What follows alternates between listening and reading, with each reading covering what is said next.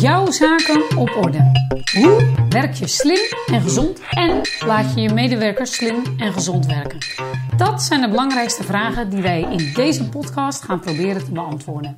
Mijn naam is Miriam Slijkman. Als high-end business coach help ik ambitieuze ondernemers door te groeien naar een hoger niveau met hun bedrijf, zodat zij kunnen werken onder hun eigen voorwaarden met de beste klanten tegen de beste prijzen. In mijn podcast spreek ik met deelnemers uit mijn programma, oud-klanten en of andere high-end ondernemers uit mijn netwerk. Ik ben nieuwsgierig naar hun drive, de weg die zij hebben afgelegd en vooral welke impact zij willen maken voor hun klanten. En vandaag ga ik in gesprek met Loes Keuper, eigenaar van Ja Zo, wat staat voor jouw zaken op orde. Loes is de expert op het gebied van time management. Met haar wetenschappelijke achtergrond, bedrijfskunde en haar uitgebreide werkervaring op het gebied van time management heeft zij haar eigen methode ontworpen. Een waardevol doelgroepenonderzoek heeft ertoe geleid dat zij haar kennis en expertise heeft vertaald naar een actieve online training. Verhoog je productiviteit, verlaag je verzuimkosten van je medewerkers. Werk slim en gezond. Loes leert mensen slim en gezond werken. Jouw medewerkers zijn jouw belangrijkste kapitaal en zeker in deze tijden van schaarste qua personeel is het des te belangrijker om jouw medewerkers gezond te houden. We gaan met Loes in gesprek en eh, we gaan het haar allemaal vragen. Welkom Loes. Hi Mirjam. Superleuk uh, dat je er bent. Nou, wij kennen elkaar natuurlijk. Zeker. Echt, uh, wij hebben samen mogen werken. En nou, op het gebied van time management. Ik vind het heel leuk om daarover in, nou ja, in gesprek te gaan met je. Want volgens mij is daar best veel. Het is natuurlijk een hot thema. Uh, slim, gezond, productief. Dus ik ben heel benieuwd uh, naar jouw ideeën en vooral ook naar jouw uh, visie daarover. Maar ik ben, laten we even beginnen bij het begin. Want hoe ben je hiertoe gekomen? En als klein meisje, was je toen al hiermee bezig? Was je altijd al bezig met effectiviteit en zat het er al in? Het zat er zeker in. Als klein meisje, of ja, redelijk klein meisje Uh, had ik altijd al genoeg ideeën, wilde ik altijd al heel veel dingetjes doen. Uh, maar ik merkte ook dat al die ideetjes eigenlijk rondzworven in mijn hoofd en dat het soms ook een beetje onrustig werd.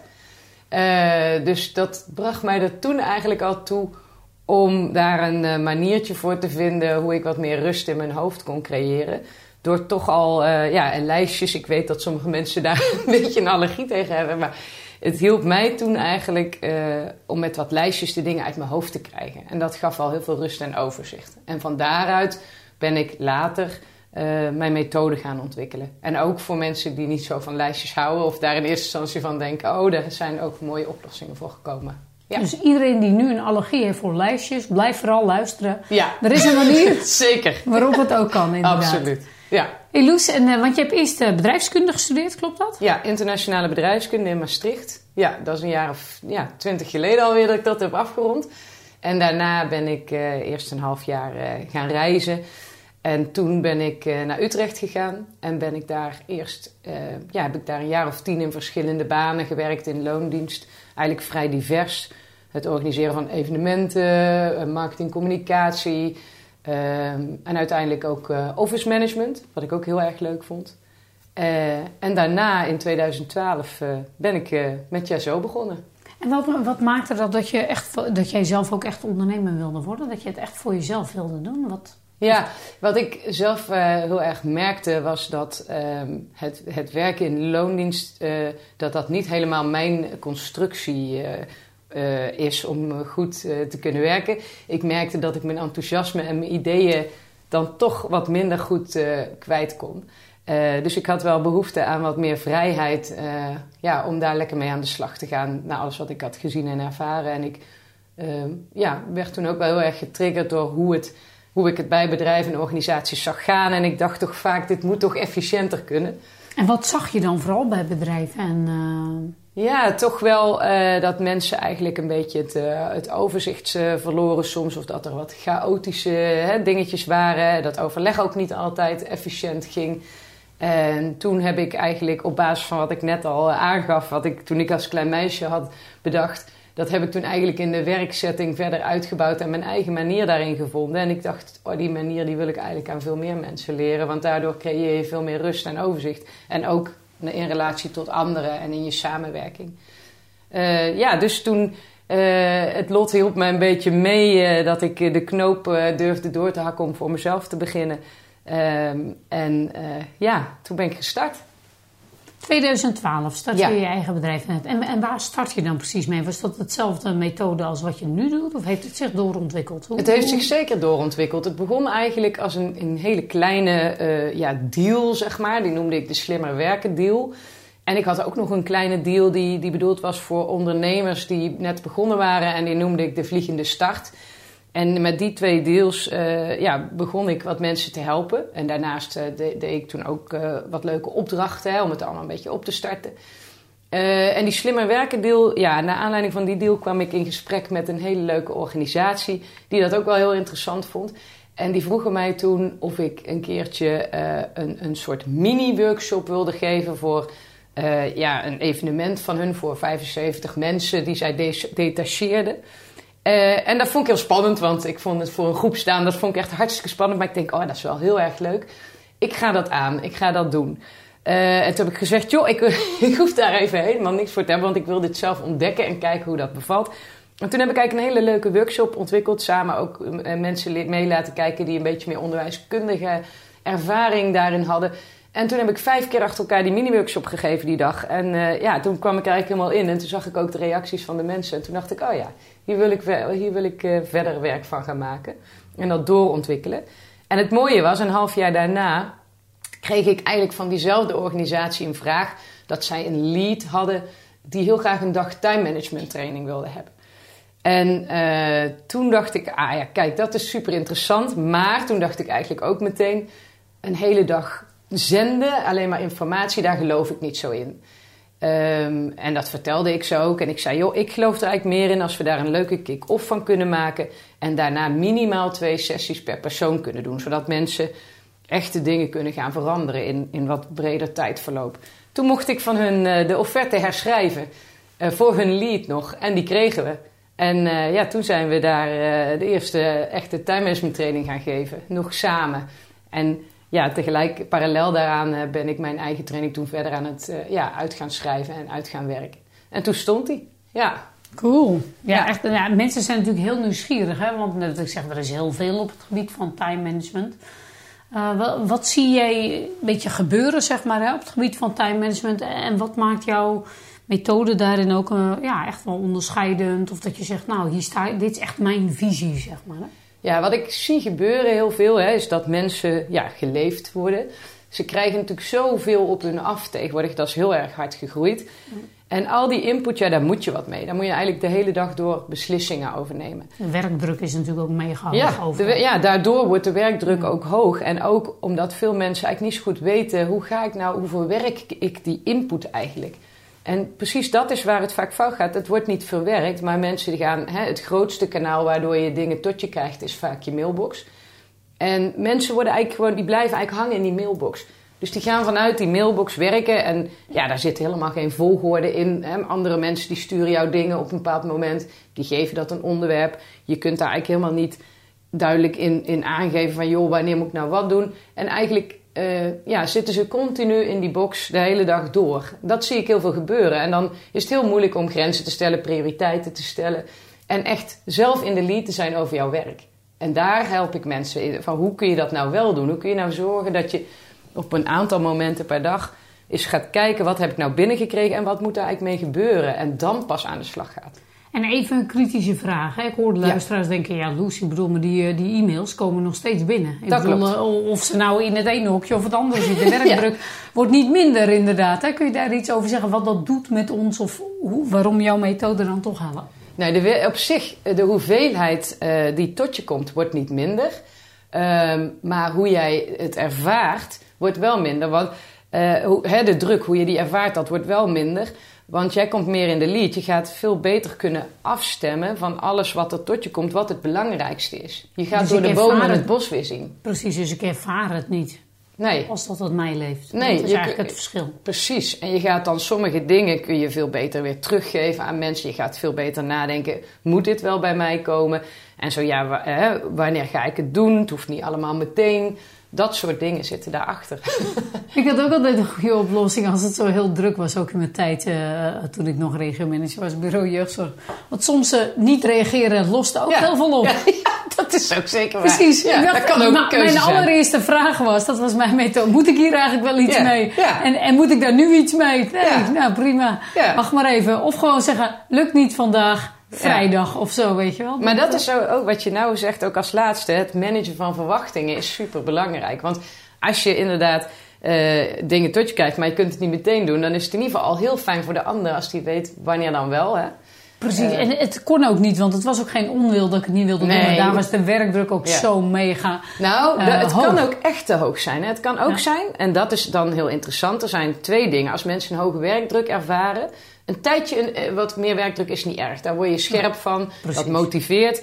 Maar het moet niet te hoog worden. Want dan zet het zich om tot niet- werkstress. Ja, en niet te lang duren. Ik En zeg niet te lang duren, Een nee. glas water is niet zwaar, maar als je hem twee jaar vasthoudt wel. Ja, precies. Het moet niet te lang duren. Dan, dan houdt het een beetje op. Maar het is dus interessant om wel te kijken als werkgever... waarom, hè, of als werknemer zelf... is mijn werkdruk hoog? Ten eerste valt het nog binnen de perken, is, is het oké. maar als het te hoog is, waar komt het dan door? Maar hoe meet je dat als werkgever? Want ik ben het helemaal eens met je. Ik denk, ja, is het te hoog? Wie bepaalt dat? Ja, nou ja, dat... Of dat, toets je dat bij je mensen? Of, eh, Ja, dat toets je zeker bij je mensen. Kijk, en het he- eh, werkdruk heeft te maken ook... eh, als het te hoog wordt, dat eigenlijk de taakeisen te hoog worden. Dat je niet meer kunt voldoen aan alle taakeisen die er worden gesteld. Dus dan betekent het dat je, als je dat ziet gebeuren... dan zie je dat mensen dingen uit hun handen gaan laten vallen. Dat ze het overzicht fouten. Ja, dat ze fouten gaan maken. Maar dat ze ook wat gestrester eh, zullen reageren. Hè, misschien wat emotioneler.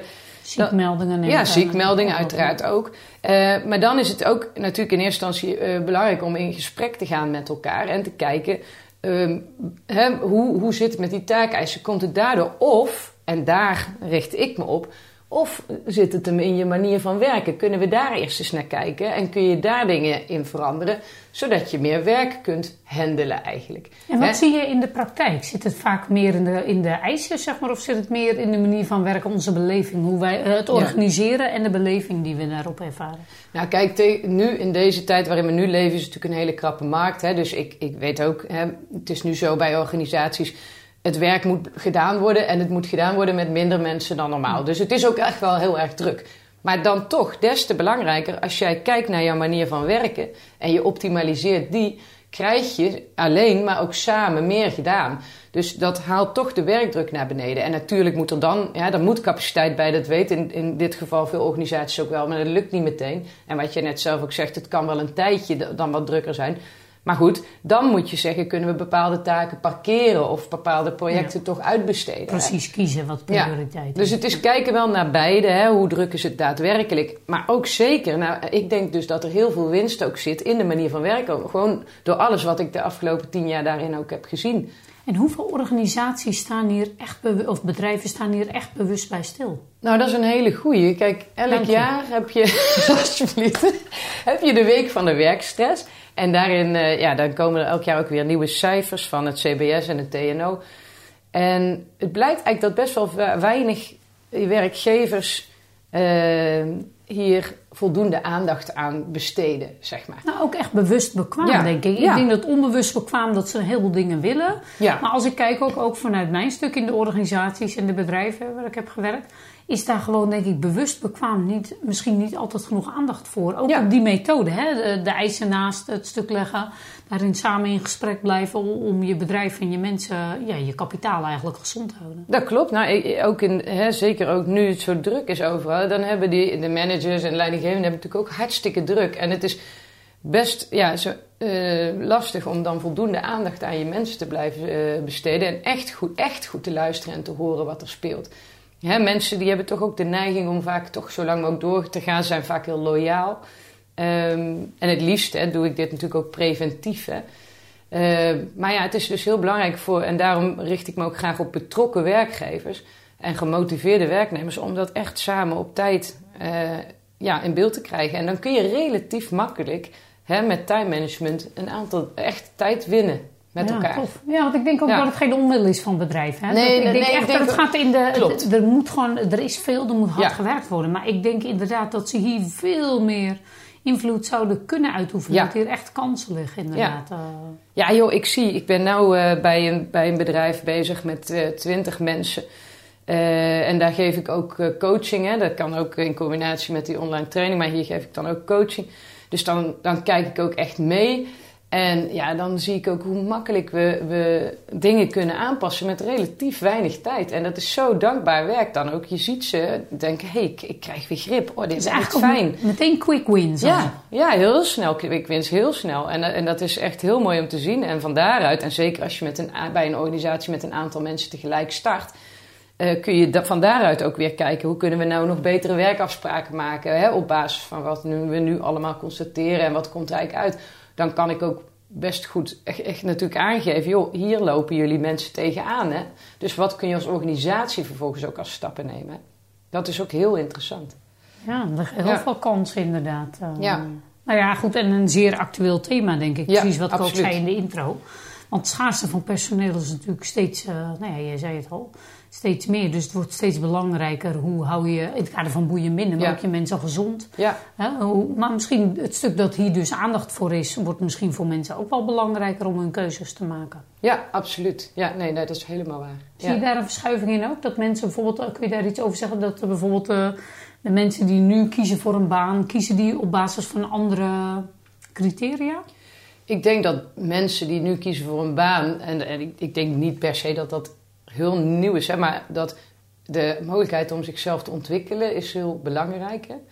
Eh, en je hebt ook wel weer, ja, dat is niet helemaal waar, maar ook met de nieuwe generatie, die werken ook weer heel anders. Hè? En daarvoor denk ik ook dat die vinden het ook heel leuk. Dan moet alles snel gaan en, en eh, die zijn wat meer gewend ook aan alles wat er op ze afkomt. Maar des te belangrijker ook juist bijvoorbeeld in onboardingstrajecten of traineeships, om daar al aandacht te besteden ook aan time management. Hè? En, en dat is ook wel waar nieuwe mensen voor kiezen. Hè? Wat, voor, voor, wat zit er allemaal, wat wordt er allemaal aangeboden? Wat kan ik allemaal leren? Ze zijn ook heel leergierig. Daarom vind ik startende eh, werknemers ook heel interessant, zeg maar. Ja, zie je, dat is leuk om te horen. Want zie je echt een verschil tussen de wat nou ja, oudere generatie en waar begint dat dan? ja. En de, de jongeren snap ik wel inderdaad. Maar eh, ja, ik ja, kan me wel voorstellen, want inderdaad, die zijn helemaal veel meer ook in die digitale wereld, Ja. veel meer prikkels. En, Ja. ik denk dat het daarmee te maken heeft. Ja, je hoort zie je dat echt eh, ook in de bedrijven die jij spreekt, merk je daar verschil? Nou, je, je hoort het ook, hè, dat, dat burn-outs eigenlijk eh, best wel ook in die jongere leeftijdsgroep speelt. Hè. Dus, dus aan de ene kant, die zijn leergierig, eh, de jongeren, en, en die willen heel veel, maar die, die kunnen het wel gebruiken om, om daarin wat te leren. En ja, de wat oudere mensen, die hebben, eh, om, met alle respect uiteraard, maar die hebben vaak eh, logischerwijs al hè, een lekkere manier van werken voor zichzelf ontwikkeld, wat ook heel normaal is en ook helemaal niet verkeerd. Maar dat is soms misschien iets lastiger om daar wat in te veranderen. Aan de andere kant ook niet, want dat zit hem in mijn aanpak. Ik doe het echt met ze. Kijk, ik vertel het dus niet alleen, maar we doen het. We passen het meteen toe. Ik, en soms dan is het even schakelen en denk ik zo, oh nee, nee. Ik zeg, ik kan alles weer terugzetten wat we nu doen. Maar eh, het is grappig, je wil mensen laten ervaren hoe die andere manier van werken is. Want veranderen is natuurlijk heel erg lastig voor mensen. En dat is ook heel logisch. Maar door het te doen met ze en het en dan ze te laten oefenen ook in de sessies, dan zien ze ineens, oh, het is eigenlijk wel heel erg fijn. Maar Dus de- eigenlijk heeft de jongere en oudere generatie eigenlijk allebei problemen Ja. met time management, maar op een andere manier. Want de Eh, jongere generatie die zit in die snelheid, die worden vanaf Ja. hè, die mega veel prikkels. Ja. Die oudere generatie krijgt het ook, maar toch op een andere manier. Die hebben hun eigen manier, maar die moeten meer afleren. Ja. Of, of die manier van werken werkt niet meer met wat er nu van ze gevraagd wordt. Ja, dat klopt. Dat is net Zie ik een beetje. goed? Ja, dat zie je wel goed. Dat is wel mooi omschreven. Eigenlijk. Dat is net een beetje een andere insteek dan. Ja, maar voor beide. allebei, ja, voor beide Ja. inderdaad is het interessant om dit toe te gaan passen. Ja. Maar wel vanuit een andere ja, achtergrond of invalshoek.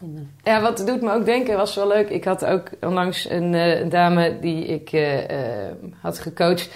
En ja, die, die zat niet voor niks bij mij in de training natuurlijk. Maar ik zag dat ze eigenlijk bijna, ja, ze had zo ongeveer een lege mailbox. Ik denk, hé, hey, wacht, dat is interessant. Maar wat bleek dus, die was zo snel. Gewoon en die werkte alles. Nee, ja, ja, alles. Nee, die had gewoon alles te delete, ja.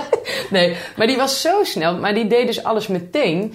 Maar eh, wat daar dus... eh, de- ja, die kon heel snel alles verwerken op de een of andere manier. Maar dat had wel een keerzijde. En dat was eigenlijk dat ze terugkreeg van collega's. Joh, jij bent niet altijd even toegankelijk of even vriendelijk als wij jou iets willen vragen. Want je bent eh, full focus bezig altijd. Toen vroeg ik haar ook, maar moet dat dan ook? Moeten al die dingen ook meteen? Ja, nee, daar had ze eigenlijk niet zo heel erg over nagedacht. Die was daar gewoon gewend. Dat haar eigen hoofd leeg is? Ja, vind ik ook lekker gelijk hoor. alles afhandelen. Ja, ja, dat is het ook. Maar toen hebben we gedacht, ja, als we nou iets meer speling in gaan bouwen, dan heb je wat meer ruimte. En, en, dat, en dat was voor haar echt een eye-opener. En dus dat is een hele andere eh, ja, uitgangspositie dan mensen die eh, een super vol... Want dat zie ik natuurlijk ook, hè, duizenden mails. Dat zijn de meeste, dat klopt. Ehm, maar wat ik laatst ook had, ook eh, een coaching, daar hadden we in, een kwartier, en daar hebben we daar een methode voor eh, bedacht, maar konden we 700 mails opruimen. Nou ja, dat, soort dingen, dat is fantastisch. En dan zie je die mensen, oh ja, wacht even, ja, dat kan. En dan maak je eigenlijk dus ook een, dan bedenken we een nieuwe manier van werken, die best wel op maat is voor iemand. Hè?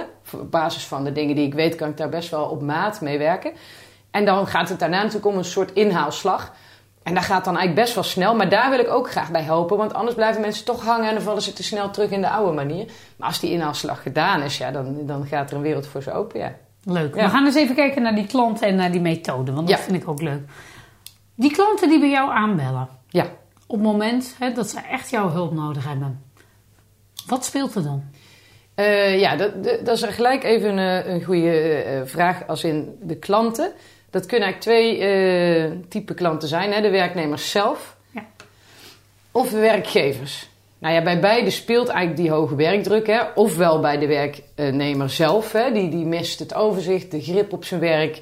Ja, de werkdruk wordt te hoog, het werkplezier neemt af. Eh, die wil graag eh, meer energie ook. Dus die wil kijken hoe kan ik mijn werk beter organiseren. Dat is de werknemer zelf. Ja. En dan heb je ook de werkgever. Die merkt het natuurlijk weer op een ander niveau. Die ziet dan een hoge werkdruk ontstaan bij zijn werknemers. En gaat dat bijvoorbeeld terugzien hè, in verzuimkosten, in verloop, eh, in eh, productiviteit. Ehm, ook soms hè, in de loyaliteit van klanten. Hè. Eh, De, de, de kans op dat er fouten worden gemaakt als de werkdruk hoog is, is groter. Dus ja, klanten gaan dat ook merken. Hè, dat- en dat werkt door. eh, Ja, Ja. klachten en dat soort dingen. Nou ja, dan, dan komt er nog meer werk. Dus hoe los je die klachten dan weer goed op? En dat gaat natuurlijk ten koste uiteindelijk ook van omzet. Dus ja, dat soort bedrijven, als ze echt eh, dat zelf constateren en zien van hier moet wat mee, ja, die trekken ook aan de bel. Ja. En, en waar komt de meeste vraag vandaan? Komt dat van de individu? Want ik denk, de individu lijkt me lastig als je zo werkdruk om dat nog te zien en voor Klopt. jezelf iets te doen. En voor de werkgever, eh, waar komen de meeste vragen vandaan? Ja, eh, toch ook wel van de werkgever. Al is het ook wel zo dat de werknemers af en toe aan de bel trekken. En het is ook zo dat wel, hè, liefst, dus wat ik net al zei, doe ik dingen preventief. Er zijn ook werkgevers, zeker ook wel, die die, die cijfers ook voorbij zien komen. En die denken, we willen het sowieso eh, preventief gaan aanbieden. Eh, dus dat is ook interessant. Hè? Die is gewoon het onderwerp van tevoren al interessant vinden. En denken, hier moeten we sowieso wat mee. Dan zie je, voorkomen zie we je, dit. Zie je dat dat bewustzijn groeit bij veel werkgevers? Eh, ja, nog te weinig, denk ik. Maar ik denk gezien ook waar de tijd waar we nu in leven, ja, dat, dat mensen er bijna, dat werkgevers er bijna niet meer omheen kunnen.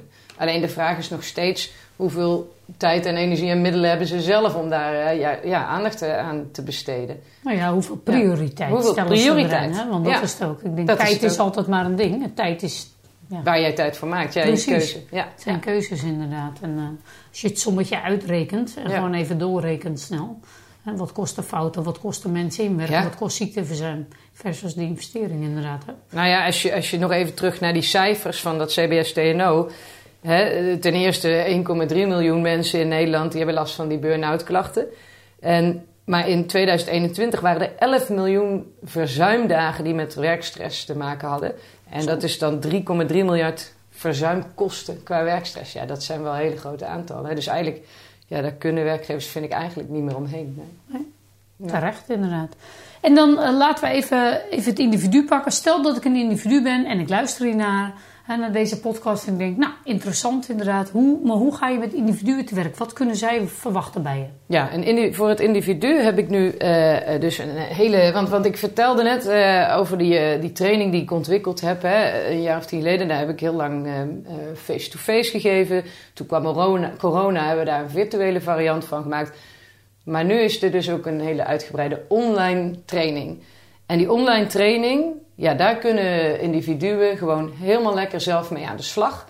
Ehm, als ze die trainen, dat zijn zes modules en 30 lessen. Eh, en dan krijgen ze de informatie tot zich via video, tekst, audio, infographics en ook een heleboel leuke, hele nuttige ehm, opdrachten. En het voordeel daarvan is dat je natuurlijk ook gewoon een hele brede, grote doelgroep aan kunt spreken. Want Ja, iedereen klopt. kan het in zijn eigen tijd doen. Hebben ze die tijd? Dat is, Ja, dat is, dat het grootste ja, dat is bezwaar. een- Dat is, het grootste bezwaar. Dat is ook een hele goede vraag. Kijk, dat is natuurlijk lastig.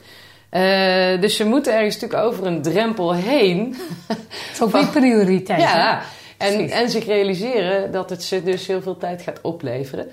Ehm, maar ze kunnen dat dus wel in hun eigen tijd doen, op hun eigen momenten. De eerste opdracht is ook om de tijd te plannen om eraan te werken.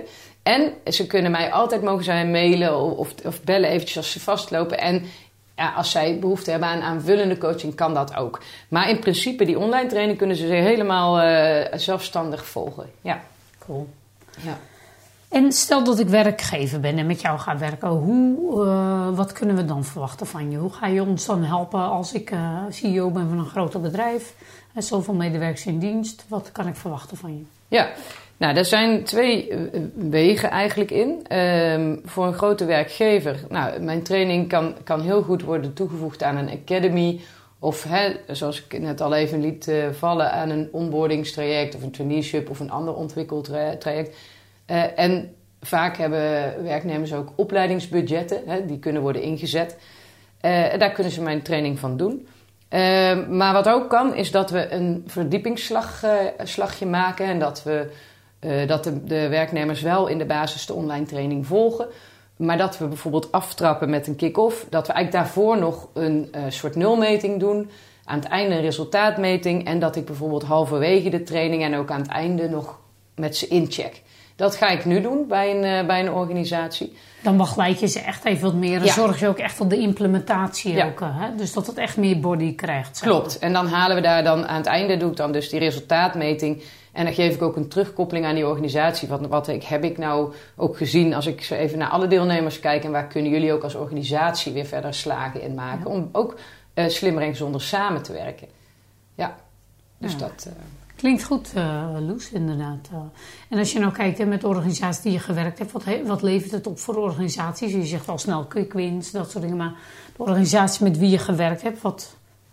Ja. Ja, nou zij, zij kunnen veel beter met elkaar in gesprek en dus afspraken maken van waar lopen we nou tegenaan ook echt. Wat zit in de weg in ons dagelijks werk? Waar moeten we echt wat mee? Want daar kunnen we echt veel winst mee maken. En nou ja, goed, de individuen, ja, dat zie je meteen, hè, dat, dat zijn die quick wins, maar die quick wins zijn ook duurzaam. Hè?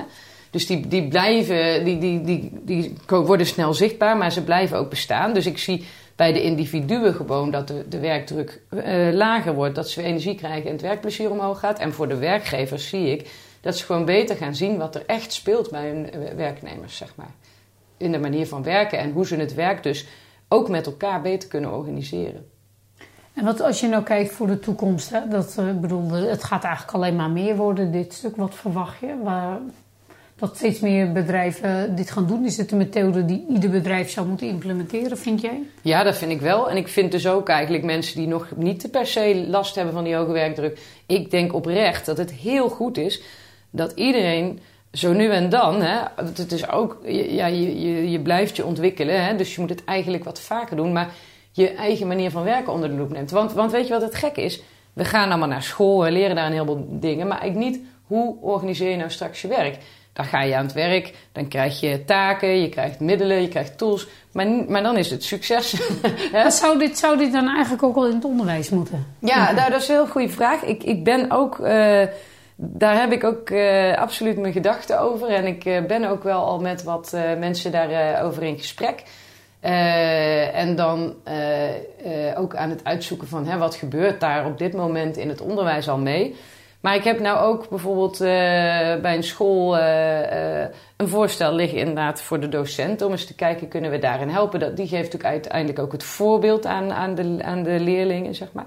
Maar ja, ik zou echt heel graag daar al een stukje in betekenen. Dus dat is zeker voor mij een van mijn doelen, ja. Ik denk zeker ook met de maatschappij die inderdaad steeds sneller gaat, Ja. digitale wereld, veel meer prikkels. Hè? Ja. We zien het stuk al. Dus ik denk ook dat het daar steeds belangrijker wordt. En waarom zullen we daar pas mee beginnen als je aan het werk gaat? Ja, nee, helemaal eens. Heel, heel raar, toch? Eigenlijk heel raar. Nee, daar heb ik me al een tijdje verbaasd. Hoewel ik vind dat kinderen ook weer gewoon moeten leren koken of zo. Ja. Vind ik ook handig. Ja, dat je gewoon je een hamburger bakt. Ja, nee, ja. Dat is ook de taak van ouders. Maar ja eh, nee, nee, nee, maar inderdaad. Maar dit... die kan erin, toch? Hoe organiseer je je werk? absoluut. Ergens, hoe bak je hamburgers? Ja, precies. Ja, nou ja, die nemen we gewoon mee. Nee, maar absoluut. Helemaal Wat is de belangrijkste valkuil die jij ziet in het, eh in het werk, Loes? Of bij eh individuele werkgevers? Waarom het vaak mensen niet lukt om hun werk te organiseren? Of niet meer lukt, hè? Want ik bedoel, het kan ook soms omdat het te lang duurt. Ja, eh, dat, ze hun dat ze alles wat ze binnenkrijgen niet verwerken. En wat bedoel je daar en precies? daar bedoel dat zei ja, je dat is een goeie. mee, maar Ja. misschien, wat bedoel je daarmee? Wat ik daarmee bedoel is eigenlijk dat je vijf keuzes hebt over alles wat er bij je binnenkomt. Eh, Oké, let op, luisteraars. Ja, let vijf op, keuzes. vijf keuzes. Keuze nummer één. Het kan weg. Heerlijke, heerlijke optie is dat. Gewoon, Delete of teruggeven aan iemand. In ieder geval, het is niet voor jou. Laat het los. Dat is keuze 1. Als er iets bij je binnenkomt. Keuze 2 is, je wil het eigenlijk wel bewaren, maar je hoeft er niks mee. Dus je moet het een plekje geven in een archief. ja. En Keuze 3 is eigenlijk, eh, ja, je moet er wel iets mee, maar dat kan binnen twee minuutjes. Dus doe het meteen, want anders heb je het daarna al veel vaker gezien. Ben je er al veel meer tijd alleen al door het lezen of het bekijken mee kwijt voor je er iets mee hebt gedaan. Dus doe het meteen. En dan heb je een hele grote lading van dingen die je meer dan twee minuten gaan kosten. En die dingen, ja, die ga je niet allemaal meteen doen, alleen als het echt spoed is, maar die ga je inplannen in de toekomst. En dan het laatste dingetje is dat er eh, iets in je eh, binnengekomen kan zijn wat leidt tot een afspraak in je agenda. Dus die, dat zijn eigenlijk de enige keuzes die je maakt. En wat ik meestal mensen adviseer zo in het begin, ehm, om gemiddeld pak eens drie momenten op een dag, die gaan we inplannen, van ongeveer een half uur. En het enige wat jij doet in, in die eh, drie momenten, dat is het verwerken en dus het plannen van de dingen die erbij zijn binnengekomen. En die andere tijd, dus buiten die drie keer een half uur om, dan ben je aan het werk. Of zit je in een afspraak. Maar dat is briljant, want dat geeft je ook Ja. de mogelijkheid om te zien of de, de eisen die gesteld worden aan je werk, of het, als jij het niet gepland krijgt, dan betekent ook echt dat er dus te veel is. Ja, je kunt het En dan kun onderbouwen. je in gesprek gaan. Ja, precies. Ik heb dit gepland, deze tijd. Helemaal. Dus of er moet meer tijd bij, wat ik niet wil. Dat betekent dat er iets meer taken af moeten. Precies, dit is helemaal waar. Je kunt het onderbouwen. En een heel groot verschil is... Je gaat, je gaat van werken in het verleden, hè, want mails die, die rennen achter je aan, die zijn allemaal al in het verleden binnengekomen. Dan ga je naar werken in de toekomst, want jij hebt in de toekomst een moment gepikt, eh, ge- gepland, hè, waarop je dingen gaat doen. En het zijn, hè, ik heb het vooral over mails, maar er komen natuurlijk ook ideeën binnen in je hoofd, of telefoontjes met vragen, of iemand aan je bureau. Eh, dat zijn dan ook dingen die je moet verwerken, maar je, je plant het allemaal. Dus je werkt in de toekomst. Je, je kunt proactief werken in plaats van reactief. Dat is een heel groot verschil. Heel groot, ja. Voor beleving doet Ja. dat ook meteen iets anders. Ik snap ook helemaal dat je dan niet meer geleefd, maar meer de regie weer terugpakt. En Exact. Grip, grip krijgt. En dat doet inderdaad instant iets met eh, nou, het voelen van werkdruk. Precies. En ook de beleving alleen al van werkdruk. En je maakt ook inzichtelijk of het echt zo is. Of dat het meer in jouw beleving zit. Nou, en daar hebben werkgevers natuurlijk wel heel veel aan. Want hun werknemers kunnen veel meer onderbouwen eh, en veel beter dingen teruggeven. Eh, die waarde van wat ze teruggeven wordt anders. Dat is niet vanuit paniek en stress.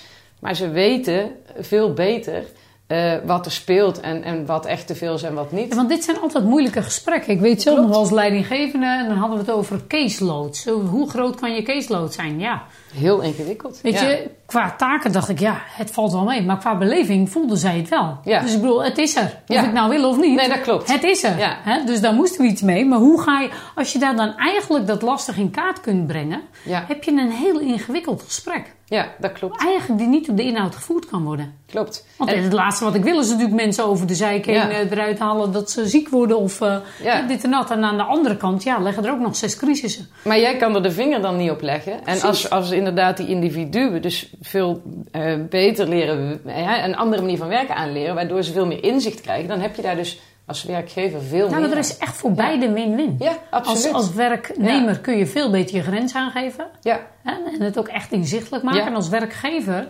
is het veel makkelijker om daarop ook gewoon eh, keuzes te maken en in gesprek te gaan. ja. En, en, en werknemers kunnen ook veel beter hun behoeftes aangeven van, met betrekking tot systemen ook en dat soort dingen. Hè, wat, hebben we eigenlijk nodig? Of dit systeem werkt wel of dit systeem werkt niet. Dat zie ik ook gebeuren. Dat is heel Veel efficiënter. Ja. Naast deze vijf keuzes, als er iets binnenkomt, kun je ook eh, nou, eigenlijk eh, preventief of vanuit leiderschap sowieso nog wat andere keuzes. Maar ik, ik weet niet hoe, maar ik had bijvoorbeeld zoiets. Ik kreeg alles in CC en dan maakt iedereen Ja. me verantwoordelijk. Dus ik heb ook gewoon gezegd: in CC niet meer sturen. Ja. Je mag ervan uitgaan dat ik dat sowieso niet meer lees. Ja, dit is een werkafspraak. En wat je dan, wat ik het individu dan bijvoorbeeld vertel. En dat is soms een onduidelijke werkafspraak. Maar Want wil dan is de verwachting er toch, hè? Er was eentje die ik zelf eh, had gemaakt. Oh. Dus die was niet gedeeld. Nee, ik oh had ja. gewoon besloten. Ik zeg, jongens, ik krijg Ja. zoveel. Je kunt er niet van uitgaan dat als je mij in CC meeneemt, dat ik me daar ook echt verantwoordelijk voor voel. Dan moet je me gewoon echt direct mailen. En met het, laten we dat met elkaar afspreken. In ieder geval bij deze. Ik, ben, ik voel me niet meer verantwoordelijk als je me in CC hebt gedaan. Want iedereen maakt elkaar, wat mij betreft, helemaal gek Ja. met dat in CC mailen. En ervan uitgaande verwachting dat je het dan ook hebt gelezen. En dat, Ja, daar als gaat het over- fout. Ja. Precies, dus dat, dat vond ik heel onduidelijk. Dus, Nou, dit- dit maar dat is een- scheelde wel heel veel. Ja, dat klopt. Nou, dit is tweeledig. Dit is inderdaad wat je zegt. Eigenlijk, dit is een, het zou een werkafspraak met elkaar moeten zijn. Hè, die je daarover norm, een teamnorm Ja. of zo moeten zijn. Ja, absoluut waar. En het tweede is, als er dan toch cc's komen, hè, want het komt ook wel eens van buitenaf.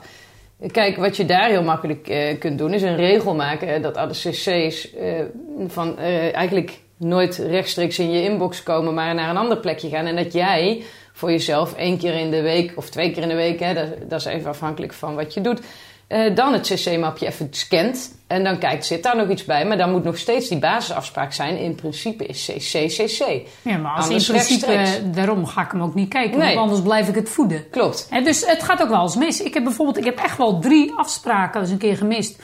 Een overleg van de Raad van de Kinderbescherming. Ja. Die dan op zondagavond ergens hadden gemaild. Ja. Of, en dan ook de verwachting hebben dat jij zondagavond je mail Ja. nog checkt. Ik zeg nee, Nee. ik werk tot dan. Dus als er echt iets is, dan moet je me even bellen. En anders kun jij er niet... Nou, dat ging twee keer mis. Maar de derde keer werd ik wel gebeld. Maar dit is sowieso interessant meer, want eh, hè, dit, dit- dit krijg ik natuurlijk ook terug als mensen zeggen: "Oh, kan ik maar drie keer per dag eh, mijn eh, nieuwe dingen bekijken?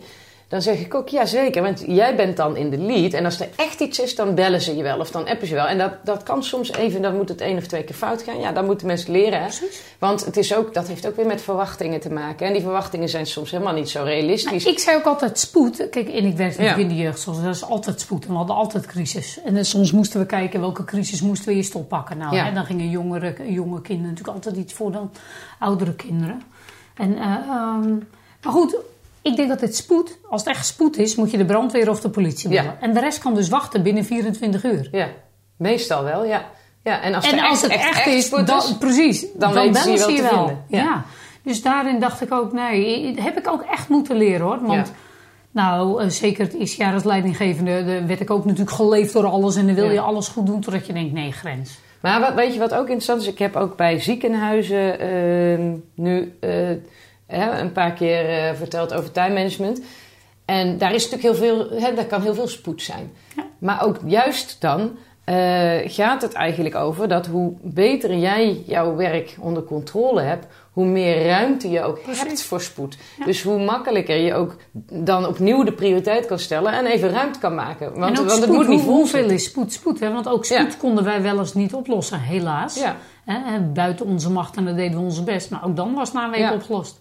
Ja, ja, ook dat is nog eens zwaar. Hè? En in een ziekenhuis is dat natuurlijk een klein beetje anders.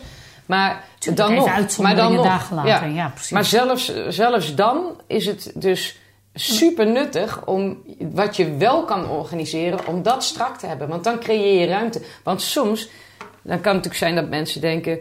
Eh, maar als ik alles heel strak in structuren moet hebben, eh, wat heb ik dan nog voor speling? Nee, nee, zo is het niet. Het is ten eerste pas ik me aan aan de persoon. Ik zie dat creatieve personen, ja, dan doen we het soms net iets anders, want anders werkt dat averechts. Dat is prima, daar kunnen we ook allerlei dingen voor. Iedereen is ook anders. Ja, maar juist als je wel een bepaalde basisstructuur hebt, word je flexibeler en heb je meer ruimte, want je hebt meer inzicht. En dus, dus het is eigenlijk heel grappig hoe dat dus werkt. Nou, waar ik, wat dat voor mij vooral persoonlijk eh, het verschil maakte, waar ik voor crisis eerst nog een gevoel van, Ja. oeh, weet je, en inderdaad, dan voelde je het al in je keel, denk ik, oh, daar gaan we weer. Ja. Op het moment dat ik dat niet meer had en ook veel meer mijn eigen grenzen duidelijk had waar ik voor stond en wat ik zelf daarin wilde, dat ik daar eigenlijk ook niet meer bang voor was. Nee, dat snap ik. Zo werkt dat ook. Dus dat ja. deed echt gewoon iets, terwijl die crisissen waren er nog steeds. Ja, dat En klopt. dat- Dat, dat is- verandert niet. Maar Precies. jij Het verandert. eerste jaar was het, het tweede jaar was dat echt anders. Dat ik dacht, nee, precies, dus er is iets in mij veranderd. En precies dat is wat jij zegt, hè. Ja. Je hebt invloed. Ja. Even los van organisaties, als medewerker heb je ook zelf invloed om hiermee om te kunnen gaan. Ja, meer dan je denkt ook. Hè? invloed is ook een interessante. Want wat ik ook doe met de training is... Eigenlijk kijken we, als je die beslissingen de hele tijd moet nemen... en er zijn natuurlijk ook factoren die daar invloed op hebben... En er zijn eigenlijk factoren op drie niveaus: op organisatieniveau, op teamniveau en op individueel niveau. En daar hebben we het dan ook over. En dan ga je ook kijken: oké, als je die factoren in beeld kan, kan krijgen, wat voor invloed kun je daar eigenlijk op uitoefenen? Maar dat geeft ook heel veel inzicht bij mensen: van hé, hey, wacht eens even, ik doe dit eigenlijk altijd maar gewoon, maar ik, ik vind eigenlijk niet altijd even Ik kan daar ook eens wat mee gaan, gaan doen. Ik ga eens in gesprek. Of ik ga eens kijken wat is nou eigenlijk echt het doel van deze organisatie. Moeten we dit wel doen? Of uh, is dit dan een handige werkafspraak met het team? Of moeten we daar eens wat aan veranderen? Of moet ik toch eens even mijn eigen overtuigingen onder de loep nemen? Hè? Dus dat is ook onze vraag met het team in instantie. Als er een vraag binnenkwam, was dus eerst de vraag: wat gebeurt er als we niets doen? Ja. Ja, dat is ook een hele interessante vraag. Nou, dat, dat kan niet helemaal. Dus nou, wat moet er dan? Klopt. nee, maar, ja, maar dan bouw je hem anders op. precies, in plaats van in de... Meteen te doen. Ja, en, en te gaan rennen ook. Hè. Echt vanuit die bewuste keuzes en gewoon ook even langs een aantal criteria leggen. Inderdaad, soort punten ook die we dan voor onszelf... En dan, daar maken we dan een beslissing op. En, ja. Uh, ja, en dat staat inderdaad even los van de wereld. is niet helemaal fantastisch. Uiteraard moet er gewoon af en toe soms even geknald worden. Of doorgewerkt. Of moeten we even doorpakken. Dat zal ook altijd zo blijven. Maar het verschil zit hem in dat je er niet door geleefd wordt. Nee, jij houdt de controle. Ook al moet je even hard, hard aan de slag. Ja, ja. absoluut. Loes, ik kan me voorstellen dat uh, misschien uh, werknemers of werkgevers na het luisteren van deze podcast denken: Nou, die Loes, ik wil daar wel eens even verder mee in gesprek. In ieder geval eens even kijken welke kansen daar voor mij en mijn bedrijf leggen of voor mijzelf als werknemer. Als mensen dat nou hebben, waar kunnen ze het beste contacten met jou? Ja, ze kunnen mij sowieso vinden via www.ja, gewoon van ja en nee, middenstreepje zoo.nl. Uh, daar zijn ook mijn contactgegevens te vinden. Ik ben ook op LinkedIn goed te vinden met Loes Keuper. En ja, dan hoor ik heel graag van ze. En dan, uh, ja, dan, dan, gaan we gewoon in gesprek om eens te kijken wat er speelt en wat ik eventueel kan betekenen. Ja, leuk dat je ook echt gericht meekijkt naar de organisaties en de medewerkers van de medewerkers. Voor de, wat voor de een werkt, werkt natuurlijk niet altijd voor de ander. Dus dat hou ik ook wel van. Het is niet een vast hokje of zo. Hè? Het moet echt wel passend zijn. Waarbij je wel jouw methode vasthoudt. Inderdaad. Ja, en ook met de online training. Hè? Dat is natuurlijk wel één online training, maar daar zit zodanig uh, ingebouwd dat mensen daar ook gewoon op hun eigen manier uh, ja, de goede invulling aan kunnen geven, maar wel voldoende gestuurd en geholpen worden. Ja. Superleuk dat je hier iets wilde vertellen in deze podcast. Dankjewel dat echt ik mega vertellen. Vind ik hartstikke leuk. Ja. Nou, maar het is ook echt mega interessant en zeker in deze tijd. Ik denk echt, uh, ja, net wat ik zeg, dat dit het verschil gaat maken voor bedrijven die straks ook echt floreren en gezonde medewerkers hebben. Dus ja. Dankjewel. En uh, nogmaals, wil je contacten met Loes kijken? Even op haar website www.ja-zoo.nl of uh, link gewoon even met haar op LinkedIn, Loes Keuper. En uh, nou, dan kun je haar ook gewoon even volgen. Deze podcast is ten einde en dat betekent dat we opgaan naar de nieuwe volgende podcast. En je weet het, ik hou het nog even spannend, maar superleuk als je er dan ook weer bij bent. Dankjewel.